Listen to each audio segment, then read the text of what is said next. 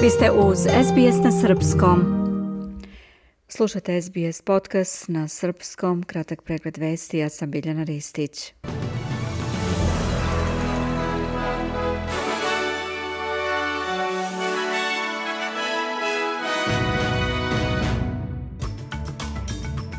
Izrael pogodio izbeglički kamp u Gazi, Ujedinjene nacije poručuju hitan prekid vatre, pitanje života i smrti. Vrhovni sud je vratio australijsko državljanstvo osuđenom teroristi. Predsjednica Evropske komisije u Beogradu želimo da vidimo Srbiju u Evropskoj uniji. Sporazum iz Ohrida znači de facto priznanje Kosova.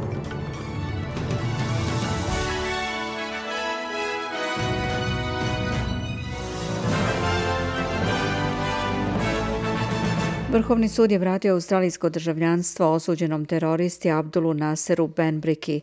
Benbrika je osuđen na 15 godina zatvora nakon što je proglašen krivim za upravljanje terorističkom ćelijom koja je planirala da vrši bombaške napade na australijske znamenitosti 2005.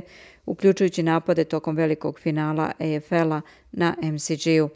Kazna je trebalo da istekne 2020. ali je zadržan po nalogu da mu se produži pritvor uz presudu da predstavlja neprihvatljiv rizik za zajednicu. Bivši ministar unutrašnjih poslova Peter Dutton oduzeo mu je državljanstvo 2020. ali je Benbrika osporio tu odluku legitimnošću dela zakona o državljanstvu. Viši sud je presudio u njegovu korist navodeći da je ta odluka nevažeća. Međunarodni monetarni fond pozvao Rezervnu banku Australije da nastavi sa podizanjem kamatnih stopa kako bi brže smanjila inflaciju. Izvešte pokazuje da će rast BDP-a nastaviti da se usporava i predviđa se da će iznositi 1,25 u 2024. ali je nezaposlenost i dalje niska, a fiskalni deficit zemlje se poboljšao brže nego u drugim naprednim zemljama.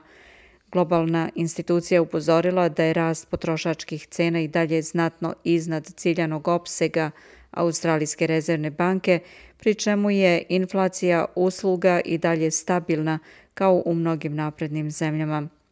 MMF savjetuje dalje pooštravanje monetarne politike kako bi se osiguralo da se inflacija vrati u ciljni opseg do 2025. i kako bi se smanjila opasnost od poništavanja inflatornih očekivanja. Otkako su kamatne stope počele da rastu, tržište nekretnina postepeno je bilo u padu tokom većeg dela 2022. ali vrednost im se znatno oporavila od januara ove godine na veliko iznenađenje guvernera Rezervne banke i mnogih drugih finansijskih institucija. The Core Logic Home Value Index, odnosno dnevno merenje rasta kapitala kuća i stanova, u Sidneju, Melbourneu, Brisbaneu sa erijom Gold Coast, Adelaidi i Pertu pokazuje da je indeks vrednosti trenutno samo 0,5% iza maksimuma dostignutog prošle godine, a brojni regioni već dostižu nove maksimume vrednosti nekretnina. Na nacionalnom nivou indeks je u oktobru porastao za 0,9% sa 0,7% u septembru. Izrael tvrdi da je likvidirao jednog od komandanata Hamasa koji je jedan od organizatora napada 7. oktobra, a vojska je potvrdila i da je pogodila izbeglički kamp Džabalija na severu Gaze, prenosi Reuters. Prema navodima palestinskih izvora poginulo je najmanje 50 ljudi.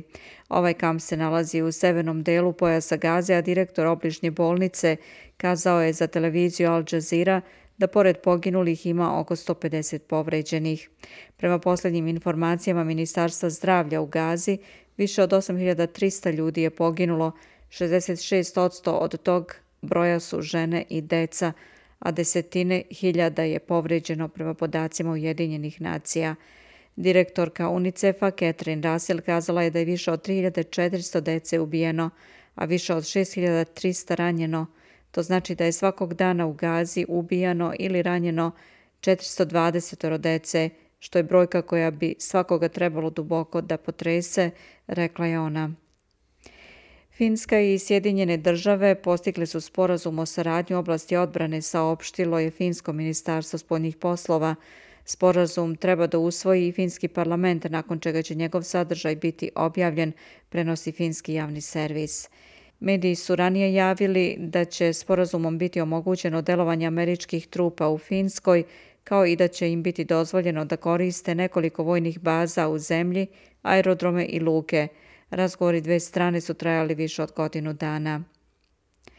Timovi američkog predsjednika Josefa Bidena i kineskog predsjednika Xi Jinpinga postigli su načelni dogovor da se dvojica predsjednika sastanu u San Francisku u novembru, ali potrebno je da se utvrdi još mnogo važnih detalja, prenosi Reuters pozivajući se na neimenovanog visokog zvaničnika Bele kuće. Britanski kralj Charles počeo je juče četvorodnevnu državnu posetu Keniji, prvu ovoj bivšoj britanskoj koloniji, tokom koje je priznao bolne aspekte zajedničke istorije koja je obuhvatala skoro sedam decenija kolonijalne vlasti. Ne može biti izgovora za britanske kolonijalne zločine protiv Kenijaca, izjavio britanski kralj tokom prvog dana boravka u toj istočnoafričkoj zemlji, ali nije bilo punog izvinjenja i molbe za oproštaj koje su neki očekivali. Slušate SBS podcast na srpskom, kratak pregled vesti.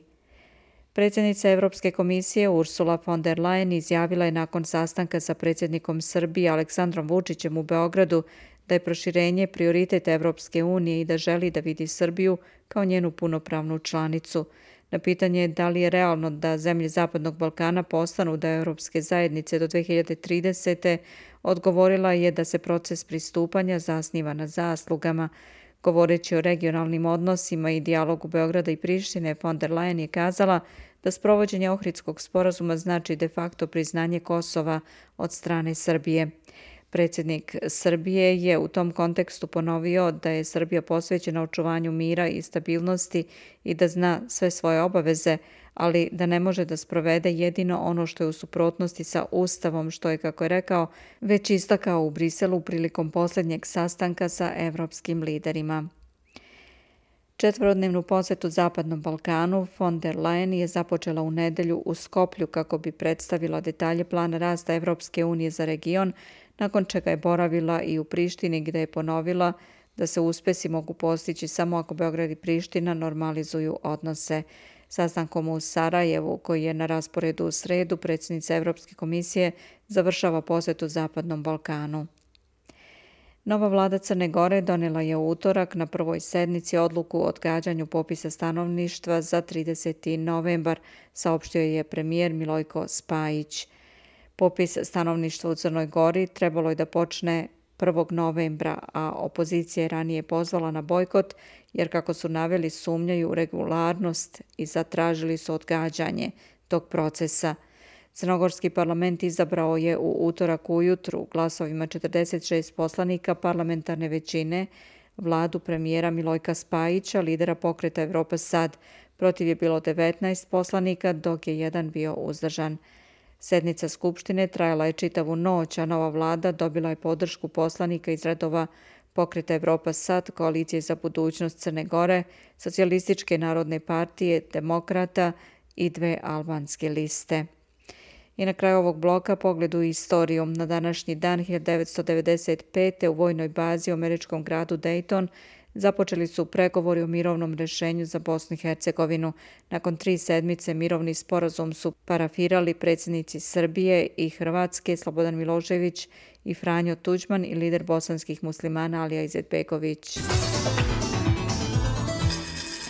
Da pogledamo i vrednost australijskog dolara. U odnosu na američki vredi 63 centa, u odnosu na euro 60 centi, 52 britanska penija i 70 srpskih dinara 14 para. Ukratko iz sporta, ruski teniser Roman Safijulin savladao je Carlos Alcaraza sa 2-0 u drugom kolu Mastersa u Parizu. Također u drugom kolu Laslo Đere izgubio od Rusa Karena Hačanova 2-0. Srpski teniser Dušan Lajović plasirao se u drugo kolo Mastersa u Parizu nakon što je u prvom pobedio Francuza Benjamina Bonzija 7-5-6-3. Thomas Martin Echeveri je na startu Mastersa u Parizu pobedio srpskog tenisera Miomira Kecmanovića 2-1, a naredni rival mu je Novak Đoković, koji je sa Miomirom Kecmanovićem pobedom započeo takmičenje u dublu na Mastersu u Parizu. Srpski teniseri bili su bolji od Gonzala Escobara i Aleksandra Nedovjesova sa 2-0. Ženska futbolska selekcija Srbije remizirala je sa Poljskom 1-1 u utakmici četvrtog kola treće grupe B Lige Nacija. Tabela treće grupe B Lige Nacija, prva je Poljska sa 10 bodova, druga Srbija sa 7, Ukrajina je treća sa 3 i Grčka četvrta također sa 3 boda. Selektor futbolske reprezentacije Srbije Dragan Stojković saopštio je širi spisak od 30 igrača za predstojeće mečeve sa Belgijom i Bugarskom. Srbija će 15. novembra igrati u Briselu prijateljski meč sa Belgijom, a četiri dana kasnije u Leskovcu odigraće utakmicu sa Bugarskom u posljednjem kolu grupe G kvalifikacija za Evropsko prvenstvo. I na kraju sportskog bloga da kažemo da je SBS obezbedio novi ugovor o pravima emitovanja prenosa snimaka i drugih sadržaja sa FIFA svetskog prvenstva 2026. u futbolu. Time će ljubiteljima futbola širom Australije biti omogućeno da vide ukupno 104 utakmice u Kanadi, Meksiku i Sjedinjenim državama uživo besplatno i ekskluzivno na programima SBS-a. I na kraju vreme u Pertu pretežno sunčano 23 slično u Adelaidi sa 24. U Melbourneu također sunčano 20, mestimično oblačno u Hobartu 17. Kambera na oblačenje tokom popodneva 18. U Sidneju pljuskovi 19 i u Brisbaneu također pljuskovi 20. Pretežno sunčano u Darwinu sa 37. Slušali ste SBS podcast na srpskom, kratak pregled vesti.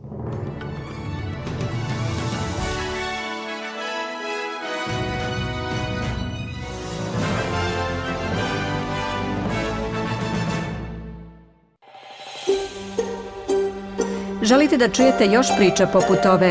Slušajte nas na Apple Podcast, Google Podcast, Spotify ili odakle god slušate podcast.